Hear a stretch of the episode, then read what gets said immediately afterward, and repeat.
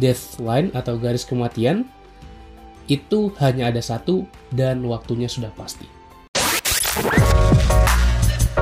Halo, selamat datang di podcast Cerita Pembelajar.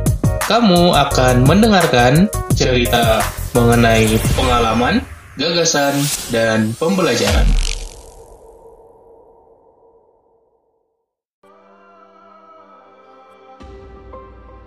Assalamualaikum warahmatullahi wabarakatuh.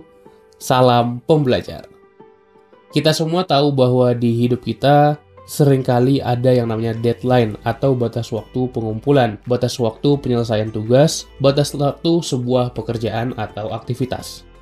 Dari sejak kita dulu sekolah, ya ada deadline PR, kita kuliah juga ada deadline tugas, deadline proyek, kemudian kita ikut kegiatan-kegiatan, lomba, kepanitiaan, organisasi, ada deadline-deadline dari tugas yang harus diselesaikan. Ketika kita bekerja pun tentunya ada deadline atau batas akhir pengerjaan sebuah tugas atau aktivitas. Dan kita sering kali mati-matian untuk bisa mengumpulkan tugas tersebut, mengerjakan kegiatan tersebut sebelum deadline-nya tiba. Kenapa? Kalau misal deadline-nya sudah habis ya mungkin kita tidak bisa menyerahkannya lagi atau kita akan kena kompensasi, kena hukuman, dan banyak lagi dampak-dampak yang tidak mau kita terima. Memang deadline ini akan selalu ada dan ada banyak banget dalam kehidupan kita di bidang-bidang kehidupan kita, apakah di pekerjaan kita, di karir kita, atau bahkan di keluarga kita, keseharian kita, dan kehidupan pribadi kita. Semuanya punya deadline, batas waktu atau batas akhir pengerjaan suatu aktivitas. Deadline ini waktunya kita tahu, dan terkadang mungkin bisa diundur Tugasnya harus dikerjakan sebelum waktu deadline ini dan jumlahnya ada banyak. Tapi sadarkah kita bahwa kita juga punya yang namanya deadline? Berbeda dengan deadline, deadline atau garis kematian itu hanya ada satu dan waktunya sudah pasti.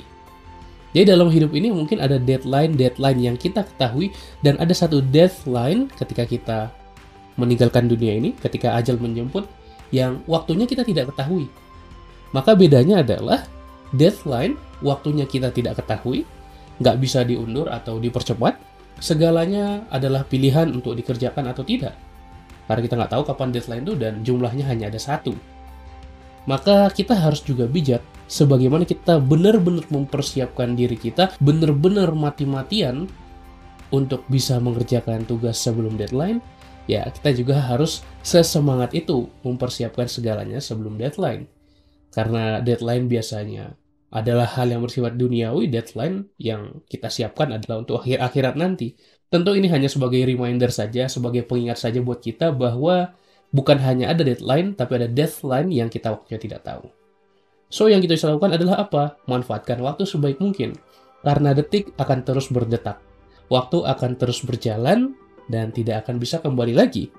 Hal yang paling jauh dari diri kita adalah waktu yang telah berlalu. Maka orang yang cerdas adalah orang yang bisa memanfaatkan waktunya dengan baik.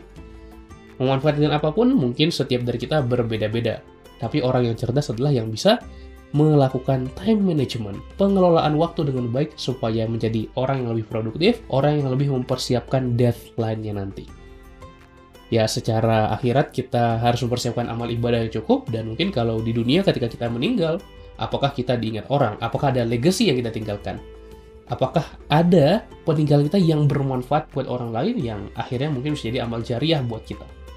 Atau ada dan tiadanya kita di dunia ini sama saja artinya? Nah itulah yang mungkin bisa kita renungkan dan cara untuk bisa mengelola waktu kita dengan baik ya kita harus belajar time management skills gitu ya. Keterampilan-keterampilan skill-skill yang dibutuhkan untuk mengelola waktu. Gue udah nulis sebuah ebook, ebook tentang time management, dan di ebook itu yang gue bahas ada empat keterampilan manajemen waktu ada prioritization atau bagaimana cara kita mengelola prioritas-prioritas dalam hidup kita, bagaimana kita merancang to-do list daftar pekerjaan kita, dan mengeksekusinya. Kemudian yang kedua adalah organization, bagaimana kita mengorganize, mengelola agenda kita, jadwal kita, kalender kita, supaya semua kegiatan kita bisa kita laksanakan. Yang ketiga adalah communication, bagaimana kita berkomunikasi dengan orang lain, mengelola meeting yang efektif, nggak cuma ngabisin waktu, bisa mendelegasikan, dan juga banyak rahasia tentang bagaimana kita melipat gandakan waktu kita. Dan yang terakhir atau yang keempat adalah productivity.